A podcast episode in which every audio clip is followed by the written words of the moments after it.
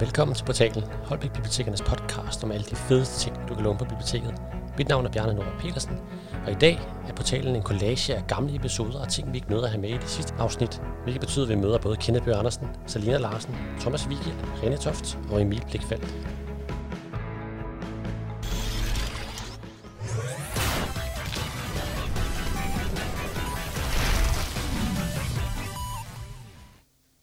Kenneth har skrevet en lang række af gode gysernoveller og bøger med mystik og overnaturlige kræfter. En af de bedste handler om både at kunne manipulere med tiden og kunne rejse ind i sit eget eventyr og være en hovedperson.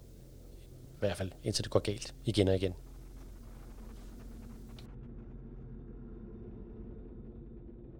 Værelset for enden af gangen på tredje sal. Den dør må ikke åbnes. Hvorfor? Fordi, mumlede Jack. Han kunne ikke længere høre sin mor kalde. Fordi hvad? Hvorfor det er det mystiske forbud, der netop vagte ens interesse? Jack kom til at tænke på et eventyr, far engang havde læst højt for ham. Selvom det nu var mere en gyserhistorie forklædt som et eventyr. Om den nygifte blåskæg eller blåtand eller noget i den stil. Hans hustru måtte være overalt i huset, sagde han, bortset fra et bestemt rum. Der måtte hun aldrig gå ind. Men til sidst kunne hun naturligvis ikke styre sin nysgerrighed, og tanken om det, kvinden havde set i det forbudte rum, havde givet Jack Marit den dag. Lignende af Blåskægs tidligere koner – da Blåskæg opdagede, at hans hustru havde været derinde, ville han myrde hende, ligesom han havde myrdet de andre. Jack kunne ikke huske, om kvinden havde klaret det, men nu, nu var det ham, der stod foran den forbudte dør. Den lignede alle de andre, og han troede nu heller ikke, at han ville finde lignende af tidligere feriegæster derinde. Alligevel rystede hans hånd en smule, da han løftede den og tog fat om håndtaget. Den er låst, tænkte han. Hvis vi virkelig ikke må gå derind, så er den låst. Men det var den ikke. Døren gled lydløst op, og det første Jack følte var skuffelse. Rummet var tomt. Som i helt tomt.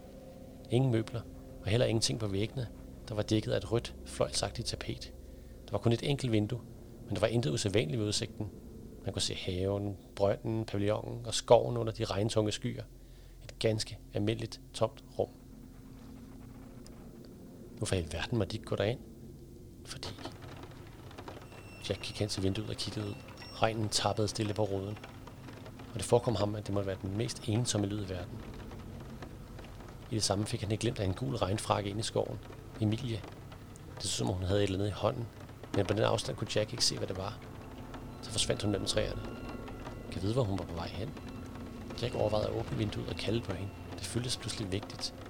Og så fik han øje på noget, han ikke havde lagt mærke til før. Rummet var alligevel ikke helt tomt. Der var en dør mere. Også den var beklædt med rødt tapet, hvilket fik den til at glide i et med væggen, men det undrede mig alligevel, at han ikke havde set det gyldne dørhåndtag fra nu. Døren var placeret lige ved siden af vinduet og ledte til sydlandene direkte ud til et fald fra tredje sal. Men i det hus var intet, som man skulle tro. Der var engang, tænkte Jack. Og for enden af den gang var der en dør, og bag den dør var der en anden dør. Den forbudte dør. Prøvende tog han i håndtaget, og også den dør åbnede uden lyd. Skarp lys skar Jack i øjnene, og et øjeblik kunne han intet se. Så voksede farverne frem, af den blændende hvidhed, og da han så, hvad der var på den anden side.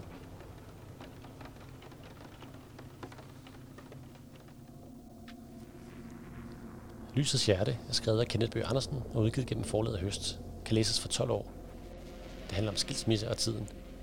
Jacks forældre er lige blevet skilt, og nu skal han bo med sin mor og sin lille søster Emilie i et oldgammelt hus langt ude i skoven. Der går ikke lang tid, før der begynder at ske underlige ting. Han finder en bog i haven, hvor der kun er skrevet en enkelt linje, og der er en bundløs brønd tæt på huset. De er flyttet ind i Villa Tempus, og det er ikke et helt normalt hus. Og der er et enkelt rum, som de ikke må gå ind i. Selvom de synes at være det eneste i huset, synes Jack, han ser en skikkelse op i et vindue. Da han undersøger huset senere, finder han rummet, som er fyldt med mystiske genstande. Men det mest mystiske er de stemmer, han hører ud fra vinduet. For en af dem er hans egen. Han ser sig selv ankomme til huset, og indser dem selv, der stod i vinduet. Husets rum er alle mystiske, Jack oplever mange fantastiske ting i dem. Men han begynder også at undre sig, for hvorfor er der kun ét af rummene, der er forbudt? Han må hellere se, hvad der er derinde. Forsiden er tegnet den fantastiske Rasmus Jensen og viser en dreng, som forlader et mørkt rum. Lyset skinner ind fra døren og viser monster, som viger væk fra lyset og venter i mørket. Drengens egen skygge viser ham som et monster. Det er uhyggeligt flot.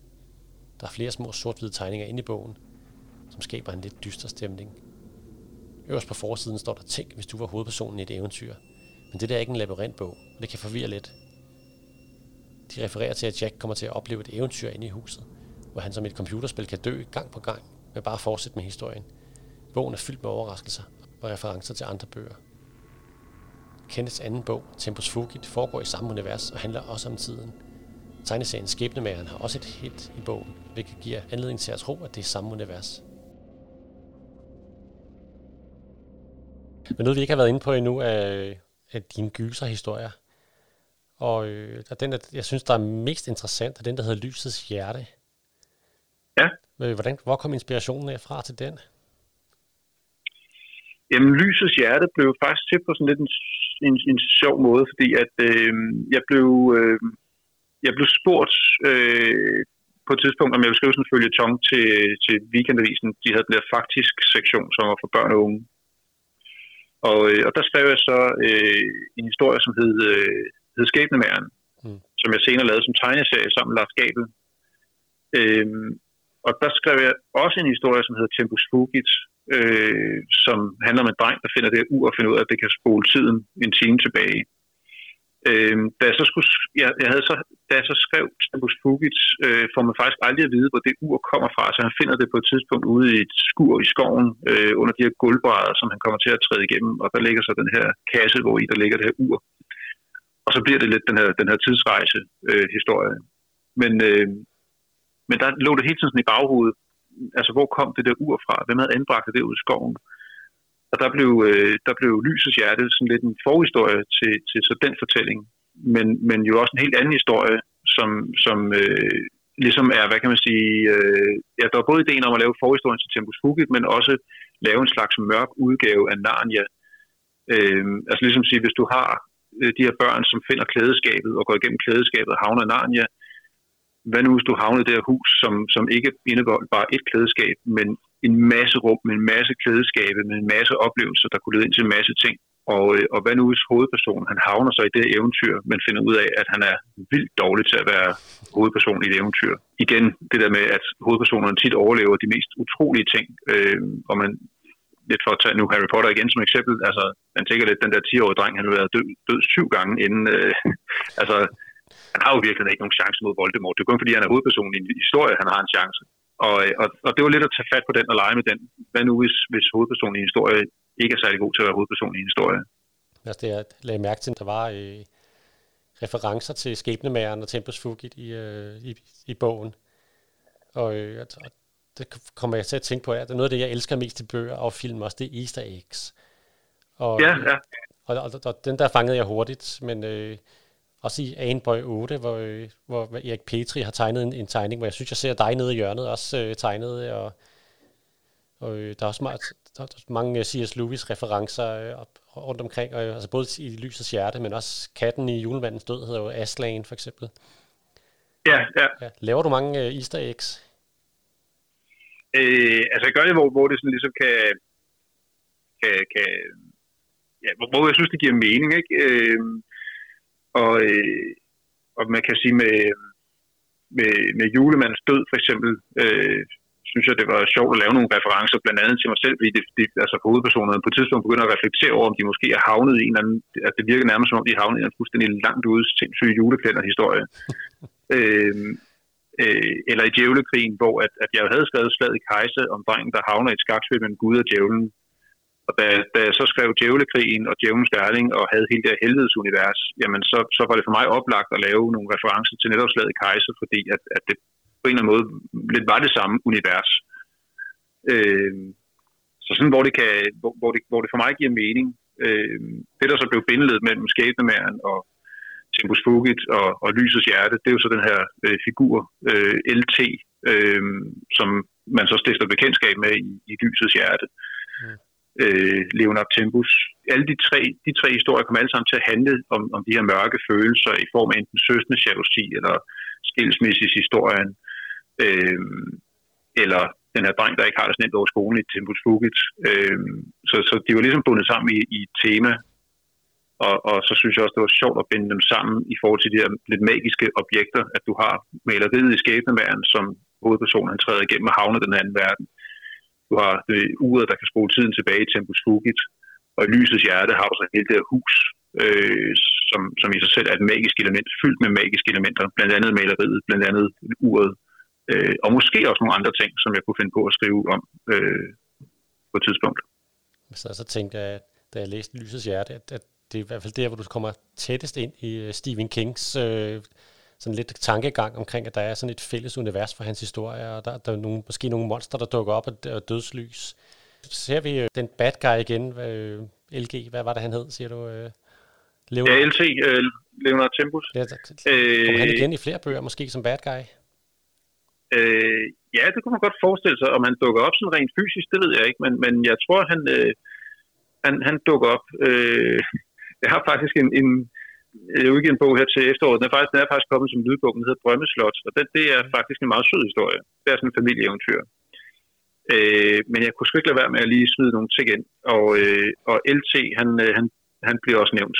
Øh, og måske kan man i virkeligheden godt læse den historie, som det der umiddelbart er et meget sødt, stort, venligt familieeventyr, som, øh, som det stik modsatte. Men der skal man måske ligesom kende LT for at kunne læse den på den måde. Men hvis man så gør det, så kan man også læse den på den måde.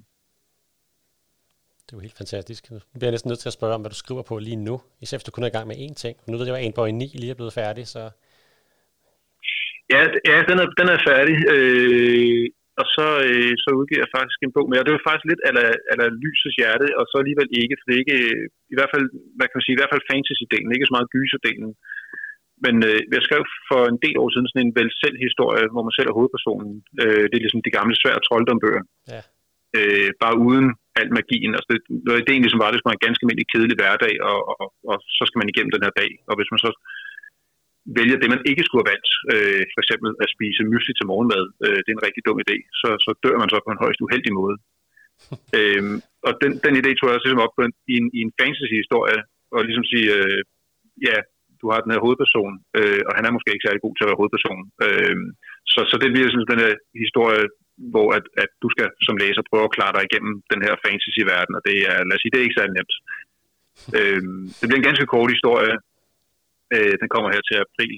Øh, men så sidder jeg så, øh, jeg er blandt andet ved at lave en, en øh, ny tegneserie sammen med Lars Gabel, øh, som kommer til næste år, som hedder 78 grader, som er en, øh, en, en dystopisk undergangshistorie, hvor at øh, ideen er, at temperaturen er steget til 78 grader, øh, og ligger der mere eller mindre konstant. Øh, og så følger man så det, der øh, formentlig er den sidste dreng i verden.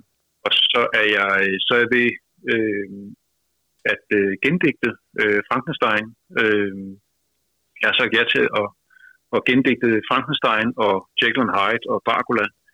Så det er ligesom det næste øh, store projekt, jeg er i gang med. Øh, og, og, øh, og sidder netop nu med, med Frankenstein, og det er vanvittigt fedt og vanvittigt spændende øh, at, at øh, dykke ind i de tekster og ligesom prøve at fortælle de historier, fordi det er jo det er jo historier, som, øh, som vi alle kender. Altså, vi kender alle sammen øh, Frankenstein, vi kender alle sammen Dracula, øh, men der er ikke særlig mange, der har læst bøgerne.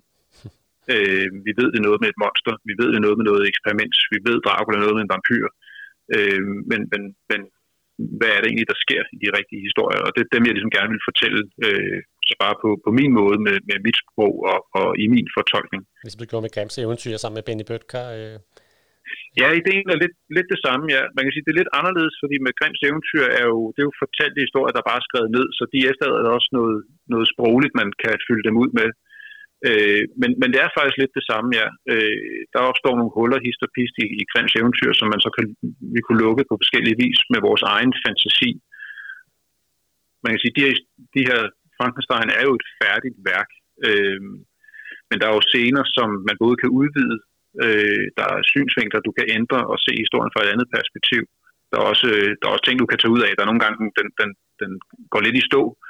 Øh, og så er der noget fortolkning nedover, som, som, som jeg også har valgt at, at, at bruge øh, i min tilgang til det.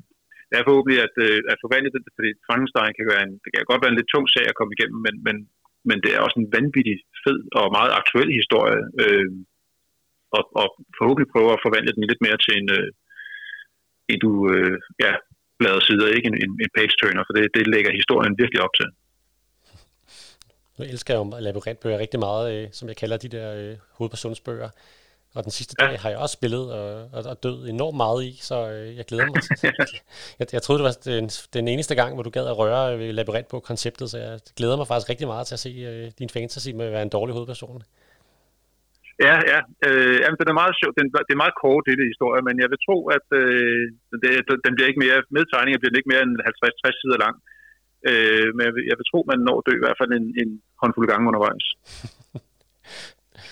det glæder jeg mig så meget til at have med på til skoleklasser. Tilbage i episode 10 handlede det om splatter, hvor jeg havde René Toft og Emil Blikfeldt med over Teams. Men der var desværre en lille diskussion om, hvordan det var at skrive sammen to forfattere, vi ikke fik med, så den kommer her. Men altså man kan sige, arbejdet det går, det går først virkelig i gang, når bogen den er skrevet, ikke? fordi selve processen der, med at skrive bogen, der sidder vi bare og griner os igennem, ikke? og sidder og skriver og, og bygger på hinanden. Så det er virkelig, virkelig sjovt. Og så bagefter, så bruger vi mega lang tid på at slibe den på plads, så det hele kommer til at hænge sammen, og det bliver tight, og det bliver ordentligt, og det, det bliver godt. Ikke? Så, så det, er, det er ligesom den, den måde, vi arbejder på her. Ikke? Øh, og det, altså, det kører fuldstændig uden plot eller noget som helst. Ikke? Det, det opstår undervejs. Ikke? Det er ikke noget, toren altid er dårlig. Jeg skulle springe over til træerne der. øh, ja, altså, altså det, man, det, man, det man altid har, jeg skriver virkelig mange serier, ikke? og det der altid er i toren, det er, at i toren, øh, det er næsten altid en transport fra nummer 1 til nummer 3. Så det er rigtig svært at lave mm. toren, sådan, sådan har noget i sig selv. Ikke? Øh, det er jeg spændt på, om vi, vi når frem til, at den kan stå lige så stærkt som nummer et og nummer, nummer to. Ikke? Men det, nu sidder vi og kører den igennem igen og igen og igen. Øhm, og der går vi så ind og arbejder meget mere plotmæssigt og ser på, jamen, hvad, hvad, vi har et A-plot, og vi har et C-plot, og vi har et B-plot, og vi har nogle hvad den hedder, karakterbuer, hvordan udvikler de de forskellige sig. Ikke? det er nogle af de små detaljer der, vi skal gå ind og kigge på, jamen, hvad, hvad, hvad kan vi levere her, som gør, at, at man tænker, wow, det er fedt. Jeg tror allerede, vi har en, altså vi, vi har allerede ansat sådan til, hvad, hvad der skal være i, i, i toren, som gør, at den, at den kan stå på egne ben, ikke? Men, men nu skal det lige pusses, pusses på plads, så vi kan se, om det sparker lige så meget røv, som det skal, ikke? Det er i hvert fald sådan, jeg ser på det. Jeg ved ikke, hvad du tænker, René. Ja. Nå, men altså, jeg, jeg tænker også, at det, det er jo et, et godt træk, at det ikke bare er en gentagelse af etteren. Det er ikke... Øh, altså, vi gjorde meget, meget... Øh, da vi havde stort set var færdige med etteren, så tænkte vi, hvad, hvis vi, altså fordi, mist, at det var fordi, vi havde haft det så sjovt, altså. Vi havde bare sådan, åh, hvad? Skrevet en bog på øh, en-to uger, ikke? Altså, hvor vi bare kastede den frem og tilbage. Og vi havde, jamen, vi havde sådan nogle regler om, at, at der skulle komme noget næste dag kl. 12. Så skal der komme noget. Om det så er en halv side eller to kapitler, det er op til dig. Og du må også bare rette det, den anden har skrevet, men der skal komme noget dagen efter kl. 12. Weekenden var så lidt heldig, men ellers så beder os bare køre på. Ikke? Så det var sådan, vi arbejder. Altså, bum, bum, bum. Og derfor blev det også sådan så umiddelbart og bare blæh, vælte ud af fingrene. øh, og da vi så havde skrevet nummer et færdigt, der var sådan, åh, det var fedt. Kan vi ikke kan vi ikke skrive noget mere? Det var sjovt. Ja, vi vil gerne det, lege noget mere. Ja, vi vil godt lege noget mere. Kan du lege? Ja, det kan jeg godt. Når jeg sender nu her i, i dag, tror jeg faktisk, at jeg godt kan blive færdig. Så sender jeg to kapitler, og så forventer jeg at få noget tilbage mandag kl. 12. Cirkus. Ja, Måske. Hellere tænke, eller... du skal hellere tænke, tænke, hvis du sender det her 12.30, så har du noget på mig kl. 14. du skal ikke have bolden hen over weekenden. jeg, jeg skal ej, lige have skrevet ej, lidt mere på kapitel, men, uh, men ja, det kan nogle gange gå hurtigt. Altså, nogle gange så, så sender han jo bare, så han, så, så, så sender jeg noget til ham, så nærmest et par timer efter, så kommer der to kapitler, og nej, jeg havde lidt travlt, men... så. Og nogle gange, så er det altså heller ikke særlig godt, så sådan, ah, jeg har lige skrevet det hele op, Emil. Ja, okay. Åh oh, ja, det var også fair nok. Hvad hedder det? Men, men jeg synes også, det er, det er sjovt, når han så nogle gange skriver, hvor jeg bare siger, ej, du gjorde ham, det var virkelig, virkelig dumt det der. Ja, jeg skulle bare se, hvad du sagde. det er virkelig en sjov proces, vi har, vi har gang i her, ikke? Fordi det, det er virkelig det er virkelig forskelligt fra forfatter til forfatter, hvordan, mm. hvordan processen den er, ikke? Øh, men, men det kræver, at man, at man har en god, en god synergi, ikke? Øh, ellers så kan man ikke skrive sammen med, med andre, ikke? Øh, og, det, og det kræver også, at, at man kan, enten er der en, der skal være kaptajn hele tiden, eller også kan man skiftes til at være kaptajn øh, på, på bogprojektet. og, og man skal også have nogle idéer om, hvordan man kan, kan gøre. Ikke? Altså, hvis jeg skriver sammen med Jan Kær, så er det, så er det ham, der er kaptajnen hele tiden. Ikke? Mm. Øh, og han har den der meget, meget plotdrevne struktur, øh, og hvor jeg er meget mere kaosagtig, og så lærer jeg hans, hans plot, plotmåde at arbejde på. Ikke? Jeg lærer det aldrig fuldstændig, ikke? Men, men så lærer man noget om det, så bliver man, så bliver man bedre. Ikke? Og det er også det, der er fedt at arbejde sammen med andre forfattere, det er, at man bliver bedre som forfatter selv, og man har det sjovt undervejs. Ikke? Hvis det er den rigtige, man, man vælger mm. at lave, lave bøger sammen med. Så jeg kan, jeg kan virkelig anbefale det der med at lave, lave bøger med, med andre, men altså man skal, man skal være, man skal lige bruge noget tid på at finde ud af, om man kan lege sammen, før man går i gang. Ikke? Ja. Ellers, kan man bare, ellers kan man bare gå i gang. Jeg har også prøvet at starte gode projekter op med folk, ikke? og så har vi skrevet et par kapitler, og så kan man sige, nej, det her, det, det må vi droppe, ikke? fordi at vi er bare for, for forskellige. Og det er helt cool. Og det er lidt ærgerligt, ja.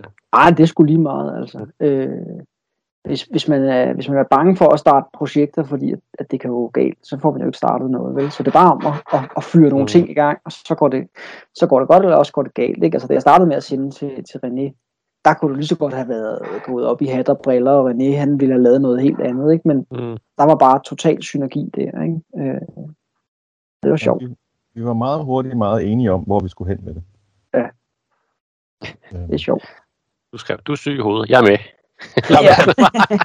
Det var fuldstændig, ikke? Altså, det var jo øh, den der, jeg står der og laver en, en pik i min latte, og så scenen, ikke? Der kom de første to kapitler eller sådan noget, og så skrev jeg så videre derfra. Øhm, men ja, altså, det, det var bare, øh, altså, vi, vi blev ret hurtigt enige om nogle regler, ikke?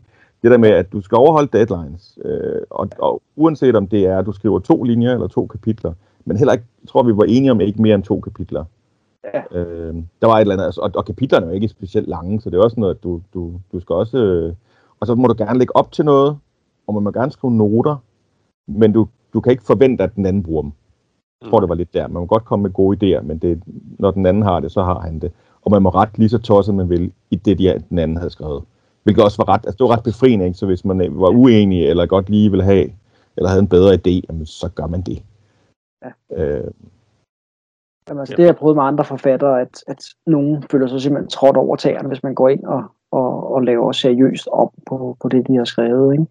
Og jeg tænker, jamen, altså, det, det er man jo nødt til at kunne. Ikke? Øh, ellers så skal man sidde sammen hele tiden, og så skal man spørge, er det okay, at jeg gør det her? Ikke? Det, det er altså ikke sådan, jeg skriver. Så det, der skal det altså være, være sjov og blade, der, der, der er ud af i skriveprocessen. Ikke? Mm. når det kører, når man rammer flow. Jeg vil helst være i det der flow, ikke? men der er jo masser af gange, hvor man ikke er det. Ikke? For tiden, der skriver jeg på, bog, på en bog, hvor det bare er sådan, åh, jeg har fået skrevet tre linjer, yes, og dagens mål nået, ikke?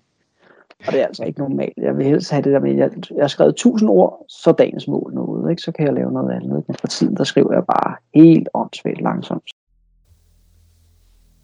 Tilbage i episode 8 havde jeg Thomas Wigel i studiet for at snakke om brætspil. Men vi nåede desværre aldrig at snakke om skægte tempel, og så have en meget kort samtale om snød. Et spil, som larmer en god del med og kræver samarbejde og koncentration, handler om at bryde ind i et forladt tempel og prøve at komme ud igen i tide. For hvis døren smækker, og spillerne ikke arbejder godt nok sammen, så er man fanget for evigt. De magiske krystaller skal aktiveres for at afvære forbandelsen, og du har kun 10 minutter, før hele templet styrer dig i grus. Der er ikke et sekund at spille. Løb, så har du stadig ingen chance for at slippe ud. Escape the Curse of the Temple er designet af Christian Amundsen Østby og udgivet gennem Queen Games. Kan spilles for 8 år. Det er designet for 1-5 spillere, så man kan faktisk spille det solo. Men spillet er sjovt, når man er mindst 3. Det var altid 10 minutter at spille. Genren er Adventure Exploration med real-time dice roller og tile placement. Som en ren Indiana Jones skal spillerne ned og undersøge et oldgammelt tempel og finde magiske krystaller – og det nytter ikke noget at efterlade en spiller på vejen, for hvis ikke alle slipper ud i tide, så taber alle også. Alle spillerne får en farve, og hver deres sæt af fem terninger. Men der er ikke noget, der hedder ture her. Alle spillerne ruller deres terninger samtidig og bruger dem til at åbne døre og finde krystaller. Men du kan også risikere at sidde fast i en fælde, eller at et rum har en gåde, så det kræver mere end en spiller for at klare gåden eller åbne døren. Men tiden er imod jer, og to gange med en gong lyde, og spillerne skal nå tilbage i sikkerhed. Hvis man ikke når det, så mister man en af sine terninger. Alle spil varer kun præcis 10 minutter, for en timer starter, og når de 10 minutter er gået, så er man tabt, hvis ikke alle er kommet ud af templet. Man bruger små plader til at finde nye rum, og på den måde undersøger man templet. Til at hjælpe og stresse en, er der også en CD med, eller et link til en hjemmeside, hvor man kan høre et soundtrack, hvor timeren hele tiden tæller ned. For at gøre det endnu mere stressende, er det også muligt at låse sine terninger, hvis man slår den sorte maske, som er på en af siderne. Du kan risikere at fange dig selv, og så skal have hjælp fra en af de andre for at komme fri. Der er ikke noget specielt designet, ud af de marianske inspirerede rum, men det gør heller ikke så meget, for du har ikke tid til at nyde udsigten. Det skal bare gå stærkt. Man er helt i panik, mens man spiller, men hold op, hvor er det underholdende. Og så er reglerne også på dansk. Der findes flere varianter af spillet, hvor man blandt andet skal slippe ud af en zombieinficeret by, men den bedste udvidelse er nok den, hvor der kommer forbandelser ned i templet. Hvis man bliver forbandet, kan man risikere ikke at måtte samle terninger fra gulvet, eller hele tiden skulle have sin venstre hånd siddende i panden. Det lyder måske ikke så slemt, udover at se lidt komisk ud, men jeg kan love dig for, at det stresser virkelig meget. Det, det sidste spil, jeg har taget med, øh, er, er det spil, som jeg har fået flest klager over. Ja. Uh, Escape the Curse of the Temple. Åh oh, ja, ja, klart. For øh, jeg satte en, en gruppe unge til at spille det, første gang jeg prøvede det, og tænkte, okay, det er da meget sjovt det her, indtil man opdagede, hvor meget det egentlig larmer, når fem personer slår, slår fuldstændig panisk med terninger på et bord midt i et bibliotek. Ja, ja, præcis. Ej, ja. Det, det er det spil, jeg, jeg har spillet, som har haft det mest der følelse af hjertet op i halsen, øh, panik. Ja. Det, øh, er der andre spil, som, øh, som du tænker sådan, kan det samme? Ja, altså, altså jeg synes, det er spændende det der med, at man har spil, hvor man bruger tiden som, som faktor, altså hvor man netop sætter en timer, og så skal man nå et eller andet inden en vis tid. Ikke? Uh, der er ikke så mange af dem. Jeg vil sige, Escape from the Temple er et af de, et af de sådan, uh, mest kendte mainstream-spil, der er fundet. Ikke? Uh, men altså for eksempel spil som øh, hvad hedder det, XCOM, som er kommet i en udgave, hvor man faktisk bruger sin iPad, det, er, det synes jeg næsten er mere vellykket, fordi der har man netop runder, hvor man ligesom skal tænke rigtig hurtigt, og iPad'en ligesom er rumvæsen, der angriber udefra, og så har man en, sådan en, en, en resolution phase, altså sådan en forløsningsfase, hvor man skal se, okay, hvad er egentlig lagt ned, hvad gjorde vi egentlig for, for at klare den her alien invasion, ikke?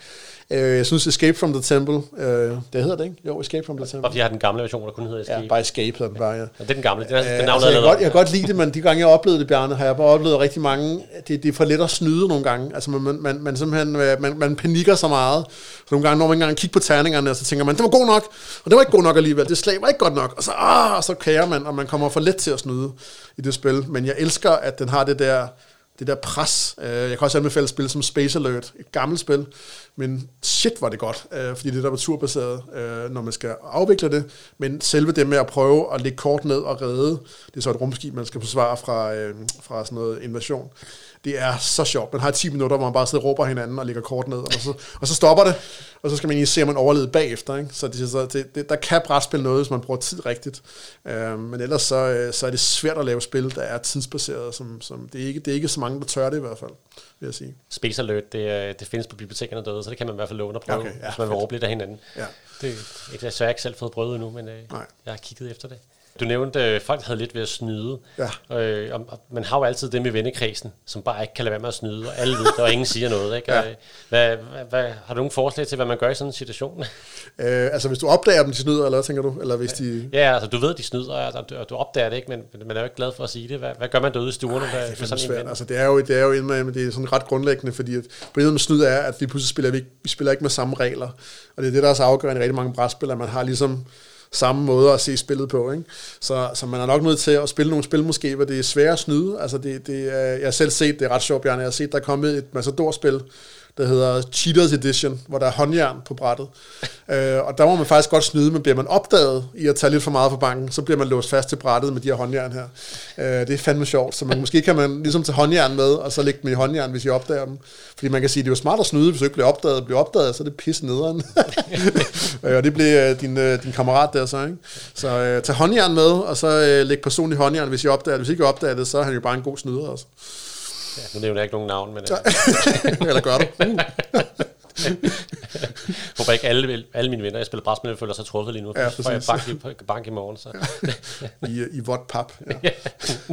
Vågne lytter vil nok have opdaget, at de fleste brætspil, i hvert fald alle de brætspil, jeg har haft med i dag, jeg har, har et par år på banen. Mm. Og, øh, og det skyldes simpelthen, at vi har rigtig mange nye brætspil på vej, men øh, på biblioteket også udlånt. Men dem gemmer jeg til næste episode, der handler om brætspil i sæson 2 Og øh, så håber jeg, Thomas, at du vil være med igen. Nej, det vil jeg meget gerne, gerne. Det er sjovt. Til der er rigtig mange øh, lidt større og lidt, øh, lidt mere overraskende brætspil. Ja, fedt. Med, med flere betrayers og mindre snyd. Det glæder vi os til. jeg håber, du er med igen i hvert fald se dig. Ja, meget gerne. Men tak, fordi du kom og var med i dag. Jamen selv tak. Tilbage i episode 6 havde vi besøg af Selina Larsen, men der var en snak om superhelte, som der ikke var plads til desværre, hvor vi også kommer ind på lidt rollespil. Så nu bliver jeg nødt til at spørge om, øh, for den forbryderorganisation, de, øh, de kæmper mod i den første. Ja. Hvordan udtaler I det? Pyra. Pyra, okay. Pyra, ja. Ligesom et, øh, øh ligesom et, øh, et, et, et ligebål. Nå, på den måde. Jeg har hørt alt fra pyré Fordi de... til peger, så... ja, men, men pyra, ligesom, øh, øh, altså ligesom ligebål, fordi vi brænder den gamle verden for at opbygge en ny. Så, så det er jo sådan noget, som sådan nogle neonazistiske lignende øh, grupper øh, tænker. Og nu giver hele navnet mening. Fantastisk. Ja. Det... Puré. Det er også sådan, at vi blender verden. det er en blød masse. Jeg hørte en dreng sige det nemlig, så, så det blinkede mig Puré? Hvad? Hvad? Hvad? Det lyder også lidt fransk, ikke? Ja. Altså, puré. Puré. så. De er også altid onde franskmænd, det er derfor. Ja, prøv at, jeg, jeg, jeg er vokset op med, hvor jeg læste mere, end jeg hørte navne.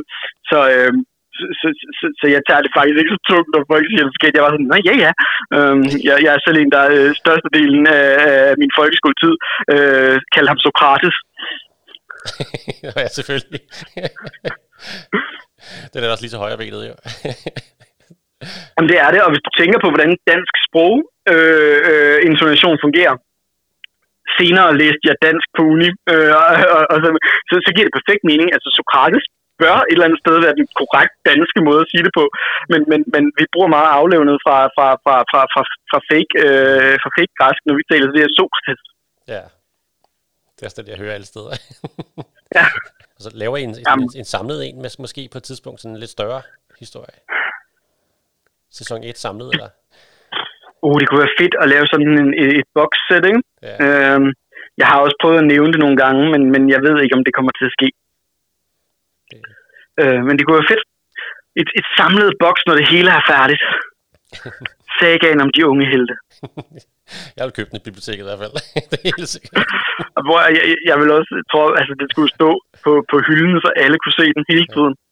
Og med, og med ryg, hvor der er sådan en lille streg af et billede på, så når de skal stå sammen, så, øh, så får man øh, ja, et samlet billede af de unge helte. Ej, ja. Hvor er sådan ligesom med Anders Altblad og sådan noget, der, der kan sættes sammen. Ja. Hvad hedder det? Jumbo-bøger hedder det. Ja, ja, ja. Amen, øh, ja. Men, men ja, det, det kunne sgu da være fedt. det må vi kæmpe for. Jeg sender straks ja. en mail ind til Alvida og spørger, laver I ikke Kommer det ikke, når alle bibliotekerne vil gerne have det? alle sammen. Især mig. Ja. det, jeg har faktisk tit øh, de unge helte med til book talks på, øh, til skoleklasser. Det, der det er simpelthen alt mellem 3. og, og, og 7. og 8. klasse, de, de, de synes, de er fede. Så, så de, ja, ej, de spreder sig altså ret, øh, ret bredt i øh, interessegruppe. Ja, øh, og det er jeg jo glad for at høre, fordi at, øh, altså igen, superhelte er jo også for alle, ikke? Og jeg, jeg tror, både mig og Nicole har altid haft en, sådan, en holdning til letlæsning om, at bare fordi det er letlæst, så altså, børn forstår, altså indskolingen forstår lige så komplicerede historier som udskolingen. Mm. Øh, det er et spørgsmål om, hvordan man formidler dem, og så er det et spørgsmål om emner, ikke? Fordi at nogle emner interesserer de sig jo ikke for endnu og sådan noget. Øhm, så, så det er meget det der med, jamen, jamen hvordan laver vi, laver vi en historie, hvor vi tager os selv seriøst. Øh, sådan som jeg oplever det, der er udgivet superheltebøger øh, i Danmark før. Ikke så mange, men de er der jo. Og de er altid lavet med den der ironiske distance, som horror også havde i starten. Øhm, Nå jamen, det er jo til børn, så vi tager lidt pis på det, fordi at vi kan ikke rigtig være seriøse i den her genre. Øhm, øh, og, og det er jo også lidt det, vi prøvede på ligesom at gøre op med, fordi at superhelte må gerne være seriøse. Superhelte må faktisk godt fortælle en historie om, om, om en ung mand, der øh, hvis far sidder i fængsel, og han bor hos nogle plejeforældre, han, han, han, han afskyr. Det må godt fortælle øh, en historie om, om, om en pige, der, der så sin familie øh, dø, og nu prøver på at, at komme sig over traumet af faktisk stadigvæk at være i live. Det kan du sagtens fortælle til, til, til, til, til mellemtrinsbørn og udskolingsbørn, og, og øh, altså, det, det er de med på. Og hendes skumle selvmordstanker. Ja, Ja, og det, det er så fedt, du, du, du, du, du, du, siger, det, det, det er virkelig, der, der er to forskellige slags mennesker, der læser, nogle, nogen der opdager det, og nogen der ikke opdager det. Øhm, men ja, hun er jo, altså, hun, hun, hun, hun arbejder jo med sindssygt meget øh, skyld, øh, og skyldfølelse også over at have de her kræfter, og faktisk, altså, øh, og kunne alle de her ting, men samtidig også bare, øh, jamen, være lille Malou, der, der, der skal prøve at, at, at finde ud af verden, øh, mens hun føler sig helt alene. Øh, og det bliver også et, øh, et, øh, et, et plot element i Skjold 4. Uh, det glæder jeg mig til, den kommer. Det er blevet forsinket, ja. kunne jeg se på corona, garanteret. Det, eller? Øh, ja, det kan godt passe. Den skulle komme her i foråret, så hvornår præcis er jeg ikke lige helt. Det, altså, der er i hvert fald nogle af dem, jeg mangler, jeg, hvor, jeg, hvor jeg kunne se i bagsiden, at, at de første af sæson 2, at der stod, at de skulle være udkommet. Men bibliotekerne har ikke fået dem tilbudt endnu, sikkert fordi der er lukket for kørsel. Det lyder underligt, fordi at øh, de første, det er jo øh, Sort Sind øh, og Helvedespræsten i Ghost-serien, og så øh, Have Terror, den har du fået. Ja, Havets Herre har jeg. Øh, øh, Helvedespræsten ja, øh, har jeg ikke set endnu. Nej, og så Hacker, øh, Skjold 3 Hacker. Den har jeg set. Ja, så du har lidt af... Øh, Helvedespressen, det, det, den, den kom vist ud i november eller sådan noget, så der kan være, der er noget forsinkelse der. Jamen, jeg er også bange for, at, at de fleste biblioteker er bange for at trykke send på deres bestillelsesknap i øjeblikket, fordi de ikke kan få forsendelserne alligevel. Ah. Og det, garanteret, det. Jamen, det synes jeg, I skal gøre, for tænk, hvis nu ryger ud af handelen, og, og så... Øhm, oh, shit. Vi havde, der så mangler jo en, den meget vigtige bog, hvor at... Øh, hvor det hele bliver bundet sammen. Ja. Mit eget forlag var også meget nervøs for, at der ikke, at der ikke blev solgt bøger i øjeblikket, så der var jeg også lige fortalt dem, at, at, at det er fordi, der simpelthen ikke bliver trykket på bestil-knappen. Men er det, ja. er det samme antal nok skal blive bestilt og købt som sædvanligt? Og det er vi glade for at høre, for det er jo, det er jo også nogle ting, vi går meget op i, ikke? Mm. Eller går, går meget op i, det lyder så, ja, vi skal bare have pengene, nej, men, ja. men det, det er et meget samlet serie, og hvis der så lige pludselig mangler halvdelen af serien, ej, så, så bliver det jo sværere. Sindssygt. Altså, var, var der en lille hul i en manga-serie på 400 episoder, så løber jeg rundt og skriger i biblioteket, altså indtil den bliver bestilt. Jamen, det er det. øh, jeg kan huske, det er jo, øh, øh, som, som, som, som, som, som ung læste Dragonlance første gang, det var de der, mm. øh, det var, øh, er det Krøniker, ja, Krøniker hed ja, den, ja. Øh, hovedsagen. Øh, og der manglede, der var jo seks bind i alt, og der manglede bind fem. Øhm, og jeg fik den så skaffet, men der havde jeg så læst bind 6, fordi nu var det jo så men, men så, der manglede bare det der kæmpe store hul. så det var sådan meget... Øh. Og allerede den serie var jo vildt øh, provokerende på grund af, at der var flere huller, som kom i andre serier. Mm. Imellem øh, bog, tre, bog 2 og 3, der er der jo lidt sideeventyr, hvor de er nede i øh, nogle dværgeminer for at få fat i en hammer og sådan mm. ting. Øh, og det hører vi bare sådan lige om i forbifarten, når bog 3 starter, hvor jeg sådan med, hvor er den historie hen? Øh, og den har så fået sin egen serie, som nu gudskelov er kommet på dansk. Jeg vil sikkert, at bog 2 startede, tænker jeg, der er sprunget noget over, fordi der var en kæmpe Jamen, det det. rejse med slaver, de er befriet, der bare er fuldstændig væk. ja. Jeg fik jo fat i rollespillet, hvor, øh, hvor alle de ting, der var væk, faktisk blev, øh, var med, så, så man, ja. så, når man spillede af. Så det... Jamen, alle bøgerne i hovedhistorien, hvilket vil sige, at øh, det, der sker imellem bog, øh, de gamle bog øh, 2 øh, og 3 øh, og sådan noget, det, det findes som rollespil, og de originale, altså selve krønninger findes også som rollespil. Ja, det var øh, Ja, øh, og, og det er simpelthen så sjovt, for jeg har læst sådan flere øh, analyser af, af rolle. Jeg selv øh, Dungeons Dragons spiller, ja. øh, og, og, og, og, og relativt nørdet omkring øh, øh, game design og sådan noget. ting. Og det er bare så sjovt at sige med, jamen her der er det så på to, mener jeg det er. Mm. Rollespilsudgaven den, det er de jo hovedsageligt til fangetaget størstedelen af tiden sidder i en vogn det er, den er så railroadet, når vi skal der, herfra der til, så lige meget hvad, så bliver I bare altså sådan, nå okay. øhm, og det er virkelig sådan en interessant måde at tænke over det med, jamen, hvad betyder fri vilje egentlig for, for, for rollespillere? Men ja. det, det er for længe siden, jeg har læst den. Jeg må kigge på den igen. Altså ikke Dragonlance sag, den kan jeg næsten til hudløshed, men rollespillet har vi kun kigget på en gang. Ja, men, øh, øh, ja øh, jeg synes altid, jeg synes altid sådan noget dybt fascinerende. Også øh, Forgotten Realms-bøgerne, som kom på dansk, de findes jo også som rollespil. Dem er jeg lige begyndt sådan at, at snuse lidt til nu. Øhm, hvor det også bare, når nu giver det hele meget mere mening. ja, der dukker nogle perler op indimellem af de danske oversættelser der, som er helt fantastiske i Forgotten ja. Realms. Men mange af dem er sådan lidt, lidt kedelige og lidt øh, typisk. Nu sådan skal fantasy-handlingen køre, fordi det gør alle de andre. Ja, øh, og, og, og nogle gange sådan lidt, der, der er nogle meget hårde skift. Øh, den, der hedder Tartas, på engelsk, øh, skæbens tavle, tror jeg, den hedder på dansk. Ja. Der er nogle ret øh, hårde skift øh, i historien, hvor det er bare sådan noget med, at nu har vi en skurk i sort rustning, der rider på et, et, et nightmare, altså en hest med ild i. Øh, og så er det bare sådan, og nu har vi så en bundekone, der går rundt. Øh, øh, okay, virkelig hårdt skift. øh, hvor, hvor fantastisk er universet. Det, det, det, må, det må I godt lide. Med forklaring, så hvad sker der her? Nå, okay. Men, men ja, men det er jo også, det er jo også en balancegang, ikke? Og det er jo, det er jo, jeg tror, det er sindssygt at de der bøger er jo bestilte, så de skal bare aflevere tiden og fylde så mange ord. Og, så jeg tror også, det er... Og, og følge rollespillet. Rollespillet blev lavet først. Mm. Den tror, jeg tror virkelig, det er... Nå, okay. Ja, det overraskede mig også, for jeg opdagede det først mange år senere, det var et rollespil. Det var ja. Min lille 10-årige hjerne havde overhovedet ikke opfattet, det var et rollespil, da jeg læste Dragonlance. Så. Nej, det, altså jeg vidste, Dragonlance var et rollespilsunivers, man kunne spille i, mm. men jeg havde ikke tænkt, at bøgerne faktisk baserede sig over rollespil. Altså, at, at historien i bøgerne bygger over et rollespil. Det var sådan, det kom fandme bag på mig, at de udviklede sideløbende. Det er jo ikke noget, der... Mm. Det var sådan, men, men nå. Øhm, så, så det var så meget, ja, men fair nok. Og hold kæft, hvor kom vi langt væk fra superhelte. ja, øh, det, det sker nogle gange. Man kan sige, at øh, der, det er jo ikke et helt forkert spring, fordi at fantasy, øh, altså high fantasy, som det er, mm. er jo bygger jo gerne på mytiske historier, for eksempel de klassiske helte som Hercules øh, øh, og, og øh, hvad det hedder, Jason og sådan nogle ting. Øh, og det er jo faktisk, det, de er jo prototypen til det, vi kalder superhelte i dag. Altså dem mennesker, der er født med, øh, med en eller anden form for, øh, i mange tilfælde i de græske, øh, en guddommelig kraft, øh, men i hvert fald en eller anden superkraft, som gør, at de, øh, Altså Jason som et godt eksempel, hvis vi tager Jason kontra Superman.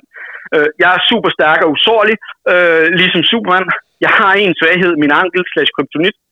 øhm, og, og, og sådan bygger den hele tiden på, øh, og der, der er jo også mange sådan, skurke i øh, superhelteuniverserne, som, som nærmest baserer sig på enten øh, øh, monsterskurke, altså nu er jeg den, den egenrådige skurk, der kommer og skal slå ting ihjel, øhm, øh, eller, eller øh, organisationer, gudestrukturen i den græske øh, øh, øh, helte øh, øh, mytologi, er jo ekstremt skurkeorganisationsagtig, både sådan med, at vi kan hjælpe, vi kan øh, snyde, vi kan gøre skade, alt sådan noget, ikke? Det er jo derfor, superhelte er så interessant, fordi der er jo, det, er jo, det er jo tydeligt at høre, at vi igennem vores kultur altså øh, altid har haft en form for superhelte.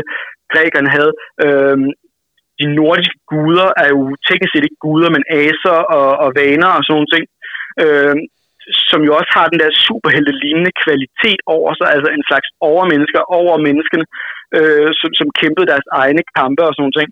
Øh, der er jo igen den der inspirerende og, og, og øh, overvældende øh, øh, narratologi, som findes i superheltene.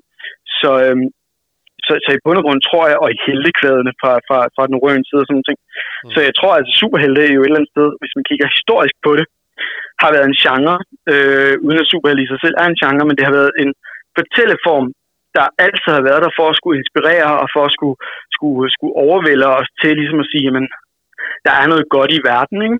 Altså øh, antitesen til, til, til Tolkiens øh, øh, selv de, de mindste kan gøre en stor forskel, men selv de største bør gøre en forskel, ikke? Øhm, hvis store kræfter følger et stort ansvar og sådan noget. Ikke? Præcis.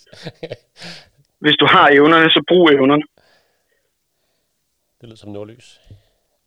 ja, øhm, det er virkelig det er også noget, jeg bruger til foredragene, fordi det er sådan en vigtig pointe et eller andet sted, ikke? Også for ligesom at, at hæve det op på et niveau, hvor det faktisk kan blive lidt mere sådan, jamen, hvorfor er det egentlig, at de her superhelte er, måske så ikke nødvendigvis de unge helte, men, men superhelte, som, som, som som, som, som individer, som, som, som, som, som produkt. Hvorfor er det, de er så interessante, og hvad er det de, de kan? Forbilleder er vi enormt mægtige. Her til sidst har jeg fundet nogle af de tegneserier frem, der desværre ikke var plads til i episode 5. Jeg håber, I vil nyde dem.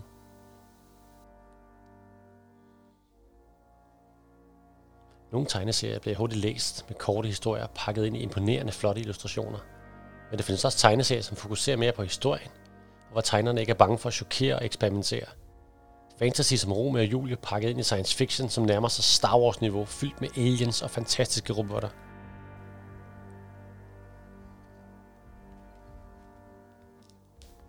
Alana kigger chokeret på den nyfødte baby. Man kan se, at hun er glad, selvom hun er træt. Marco rækker babyen til hende. Hun blotter sit bryst og lader babyen få noget mad. Marco bliver lidt på afstand kigger på hende. Hun er perfekt. Se, siger Alana.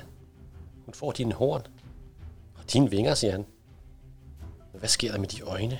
Øjnene er grå og kigger op mod sin mor. De har ikke min grønne farve, siger hun. Heller ikke helt din brune. De skifter lidt efter, hvordan man... Åh, oh, Marco, hvad laver du? Marco læner sig frem og prøver at bide navnestrengen over. Du har et svær. Du har et svær på dig. Jeg svor, Alana, svarer han og tager hovedet væk fra navlestrengen. Jeg er far nu, ikke soldat, og den klinke skal aldrig forlade sin skede igen. Han prøver at bide den over igen. Jeg forventede ikke så meget busk. Han kæmper med det. Nå, Pico, siger hun. Det er så din far. Marco retter sig op. Pico? Hvad skete der med at kalde hende Beatrice? Skat, Beatrice er et navn til en god pige. Ligner det her en kedelig god pige, synes du? Det er bare... Pico betyder noget lidt sjovfuldt, der hvor jeg kommer fra. Jamen, øh, svarer Alana, vi behøver ikke beslutte noget for hendes svingeblødning. Hvad, siger Marco. Nix. Da vi begyndte på det her, sagde du, ingen politik, ingen historie, og ikke mere barbarisk religiøs bagl. Vingeblødning er ikke religiøst, det er kulturelt. Hvad? Kulturelt er der ved at skamfere en baby? Skal vi virkelig skændes nu? For det var sådan, vi endte med at lave hende her. Hvad var det, spørger hun. Ved jeg ikke. Motoraben, jeg bestak, svor vi havde stedet for os selv hele weekenden. Stemmen lyder udenfor. Minia Alana, du er arresteret for at forlade din post og hjælpe fjenden. Alana ser desperat ud. Vi er døde. Vi er døde. Ro på, siger Marco. Den dør er lavet af dragknogler. Hvor længe vil det tage dine folk at komme igennem? Tre minutter, siger hun. Mindre hvis de har en blåblod med. Ud for døren kan man se en robot med tv som ansigt og en kanon i hånden. Det der Baron Robot 13 er koalitionsstyrkerne, som beordrer dig til straks at overgive dig. Nogle vagter i baggrunden med vinger holder fast i motoraben i hæklen. Han prøver at stikke af. Tro mig, at de er derinde, så kan jeg godt gå, ikke? Marco kigger på Alana. Ud. Jeg prøver at købe jer noget tid. Ud, siger hun. Ud hvor? Han trykker på en knap, og taget åbner. De dækker altid taget. Det er da fordi, de ved, at mine vinger er udulige, siger hun. Og særligt, da det med de her ekstra fucking gravitetskilo. Gud kan du så, siger Marco. Kom nu, du kan godt. Jeg ved, du kan. Man kan se dørene ved at blive brudt ned i baggrunden. Hun skal have den navn, siger Alana. Mit barn skal ikke dø uden et eksplosion rammer rummet.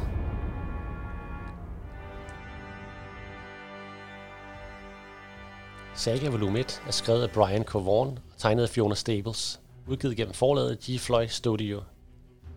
Saga kan læses fra 12 år på grund af voldelige scener og en smule sex. Det er fantasy og science fiction i en god blanding, og en historie om familier. Krigen raser mellem de teknologisk avancerede tropper fra den største planet i galaksen, Landfall, og Wreath, en satellit omkring planeten, hvor de bruger magi og trolddom som våben. Hvis enten planeten eller satellitten bliver smadret, med den anden side spænde ud af kurs og blive udslettet automatisk. Derfor foregår krigene på alle andre verdener i stedet for. Alana er fra landforhold og har vinger, blev som menig i herren sat til at bevogte fangen Marco fra den anden side. Han har horn og kan magi, og selvom de er fjender, forelsker de sig hinanden. Historien starter, da deres fælles barn, som faktisk også er historiens fortæller, bliver født. De må på flugt fra begge sider i krigen, som ikke vil have en forening af deres raser. Prins 4, som er et robotvæsen har en race, som har tv som hoved, og fået opgaven til at slå dem ihjel. Derudover er der sendt to dusørjæger efter dem. Stilken er en kvinde, uden arme, men med kroppen fra en æderkop, og viljen er en nådeløs mand med en lyvekat ved sin side. Alana og Markus rejse er fyldt med fare, og den er utrolig spændende. Fiona Staples er kun oversat med denne serie i Danmark, hvilket er synd, for hun er fantastisk til at tegne mystiske væsener og planeter og rumskibe. Forsiderne er altid lidt flottere end resten af historierne, men det gør ikke så meget. Første del viser Alana og Marco på forsiden med en hvid baggrund, og med barnet, som er ved at arme. Den signalerer ikke rigtigt det eventyr, man får ud af den her historie, så skal man selv finde. Selve tegneserien er farvefyldte og fyldt med fantastiske væsener. Tegneserien Saga har vundet så mange priser, man tror det er løgn, fra alt fra faglægning til bedste enkeltnummer, og det er altså fuldt fortjent. Selvom Marco har svoret aldrig at dræbe mere, så er historien altså fyldt med afhuggede lemmer og tarme, som ryger ud af maven på folk. Der er også lige plads til et besøg til planeten Sextillion, hvor alle lyster kan opfyldes. Men selvom der er en del bare bryster og folk, som hygger sig, så bliver det aldrig direkte pornografisk. Fortælleren som baby er en interessant vinkel, fordi hun fortæller om ting, der ikke er sket endnu, og kommenterer alt fra forældrenes grove sprog, til at de tager dumme beslutninger. Der er kommet ni bind i alt i sagen, og de er alle sammen oversat.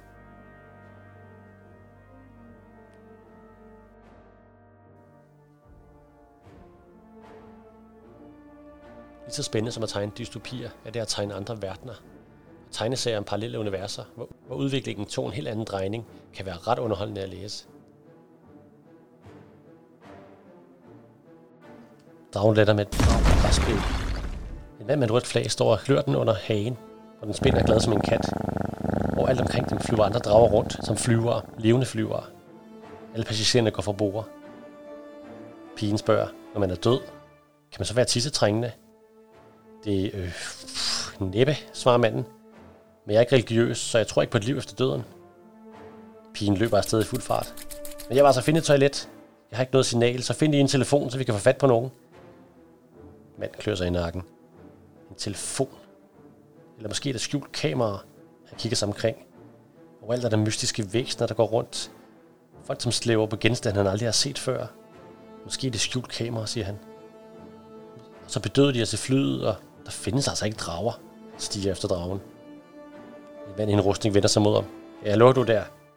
Jeg har øjne for bagagetyve, og du ligner en. Hvad gør du her? Øh, svarer manden. Ankommer. Hvor så dit rejsegods? Øh, det kommer vist ikke med, siger manden. Pigen kommer løvende tilbage og viser ham et kort. Undskyld, betjent.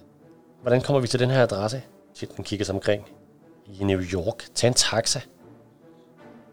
Men det ligner ikke New York. De biler, de kan se på gaderne, bliver trukket af dyr, eller befinder sig oven på store dyr, som ligner alt fra giraffer til elefanter i en mystisk kombination. De forlader hurtigt lufthavnen. Pige kigger sig tilbage. Tak, betjent. Meget venligt, så smutter vi. Tudelu! Trækker manden efter sig. Betjenten kigger på dem meget mistænksom. Hvad laver du, spørger han. Hvad med vores bagage? Shh. Når jeg redder dig fra en mistænksom politimand, så det mindste du kan gøre, vil at sige tak, siger hun. Politimanden holder stadig øje med dem. Krasser dig i skægget. Jamen så, siger manden. Tak. Jeg ved slet ikke, hvad du hedder. Familie Gratyl, siger hun. Og ja, jeg ved det. Mine forældre havde en sær humor. Yuri Protrov præsenterer han sig. Pæn goddag. Ja, hej. Fandt du en telefon, spørger hun. Nej, siger han. Jeg tror slet ikke, de findes her. Og hvor er her i hele taget?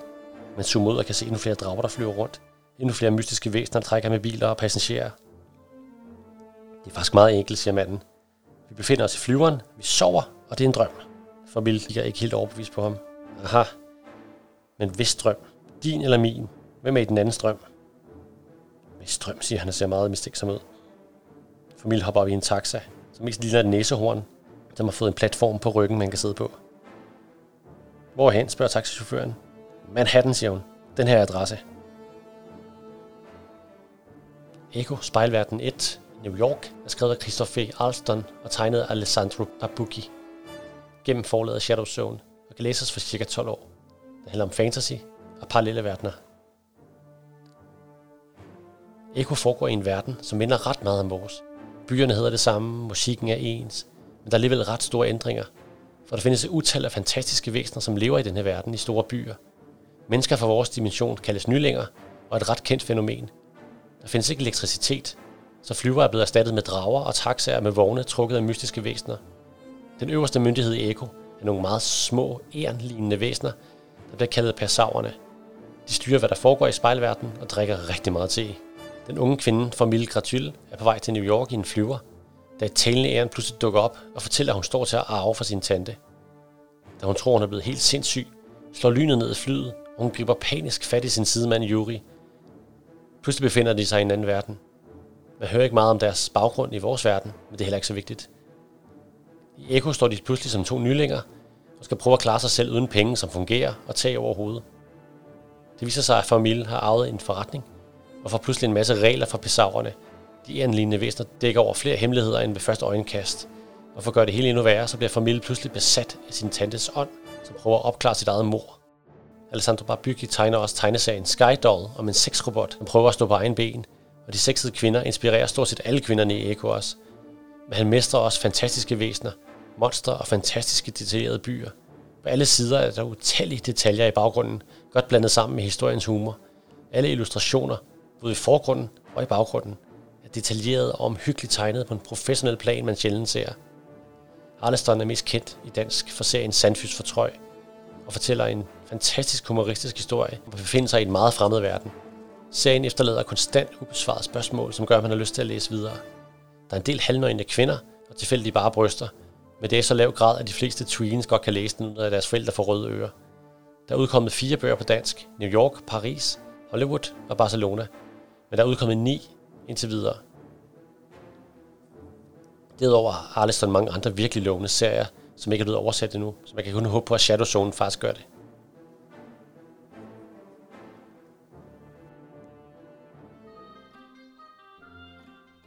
Der er så mange tegneserier med tryk på serier. Man helt glemmer, at det godt kan være enkeltstående tegneserier med en god historie, også som er lavet på dansk.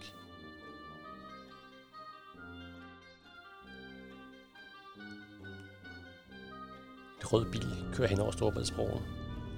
En lov skriger. Nå, Rasmus, er du spændt? lyder en stemme. Jeg zoomer ind på Rasmus, der sidder alene oppe på roden. Helt vildt, Janni.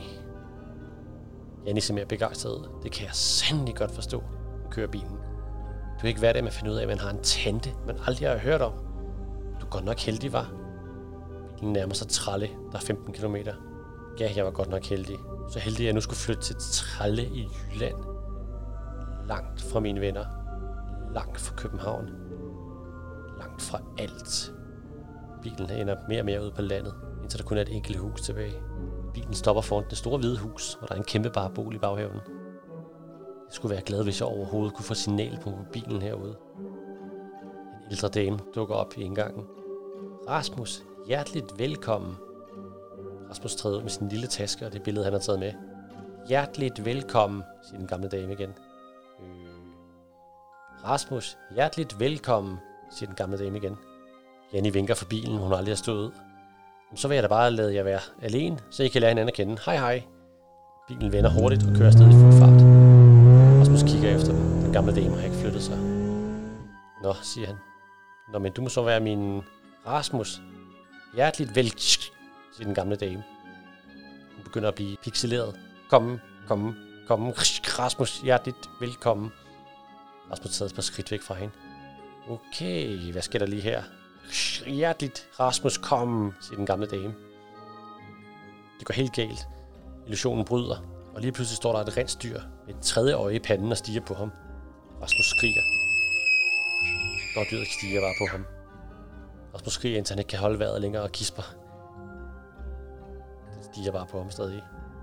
En anden kvinde dukker op bagved den, fuldstændig klædt i sort, med et klap for øjet og en enkelt hvid stribe i håret. Og en kop i hånden med kaffe, hvor der står, verdens bedste far. For himlen dog, så stop dog det skrigeri, siger hun. Hvem er du? Rasmus peger på rensdyret. Hvad er det der? Damen pukker sig ned, af den på halsen. Det er en hjort. Du har aldrig været på landet før, knægt. Men, men, men den der tre øjne, og der var en dame. Ja, siger kvinden og rejser sig op. Damen var et hologram, og så et billede. Det fik du vel til at brænde sammen med dit skrigeri. Og hvem er du så? Rensdyret eller hjorten begynder at bide ham i trøjen. Jeg er din nevø, siger han. Nå, svarer hun. Er det i dag, du skulle komme? Aha. Så må du vel hellere komme indenfor. Portal er skrevet og tegnet af Lars Kramhøft og Tom Christensen, udgivet gennem forlaget Alinea og kan læses for 10 år. Det er science fiction, handler om forældreløse og parallelle verdener, for Portal foregår i vores verden. I hvert fald hvis der findes et multivers og gale videnskabskvinder, som også kan åbne portaler ud til multiverset. Rasmus er egentlig en ganske normal dreng, som elsker at spille computer. Men en dag dør begge hans forældre i et biluheld, han er tvunget til at bo hos sin ukendte tante et eller andet sted på Bølandet i Jylland. Hun viser sig at være enten skinkernes skør eller genial, for hun har opdaget, at der findes lige så mange verdener, som der findes valg, og det betyder, at der findes op til flere verdener, hvor Rasmus' forældre stadig er i live. Han bryder ind i hendes laboratorium og forsøger at finde en, men når man skifter verden, efterlader man et hul, og det hul skal fyldes. Makkerparet Krammelhøft og Christensen har lavet flere tegneserier sammen, og de er alle sammen værd at kigge på. Tegningerne er lidt tjusket på den fede måde. Hovedpersonerne i baggrunden smelter ret godt sammen, og især effekterne med portalerne er imponerende. Historien er desværre alt for hurtigt overstået, og med så mange universer, så håber jeg på, at der bliver plads til flere eventyr i lige præcis det her univers. Tak fordi I lyttede til portalen, og Bibliotekernes podcast om alle de fedeste ting, du kan finde på biblioteket. Din vært var Bjarne Nordberg Petersen, og jeg håber, du vil lytte igen til næste udsendelse. Tak for i dag.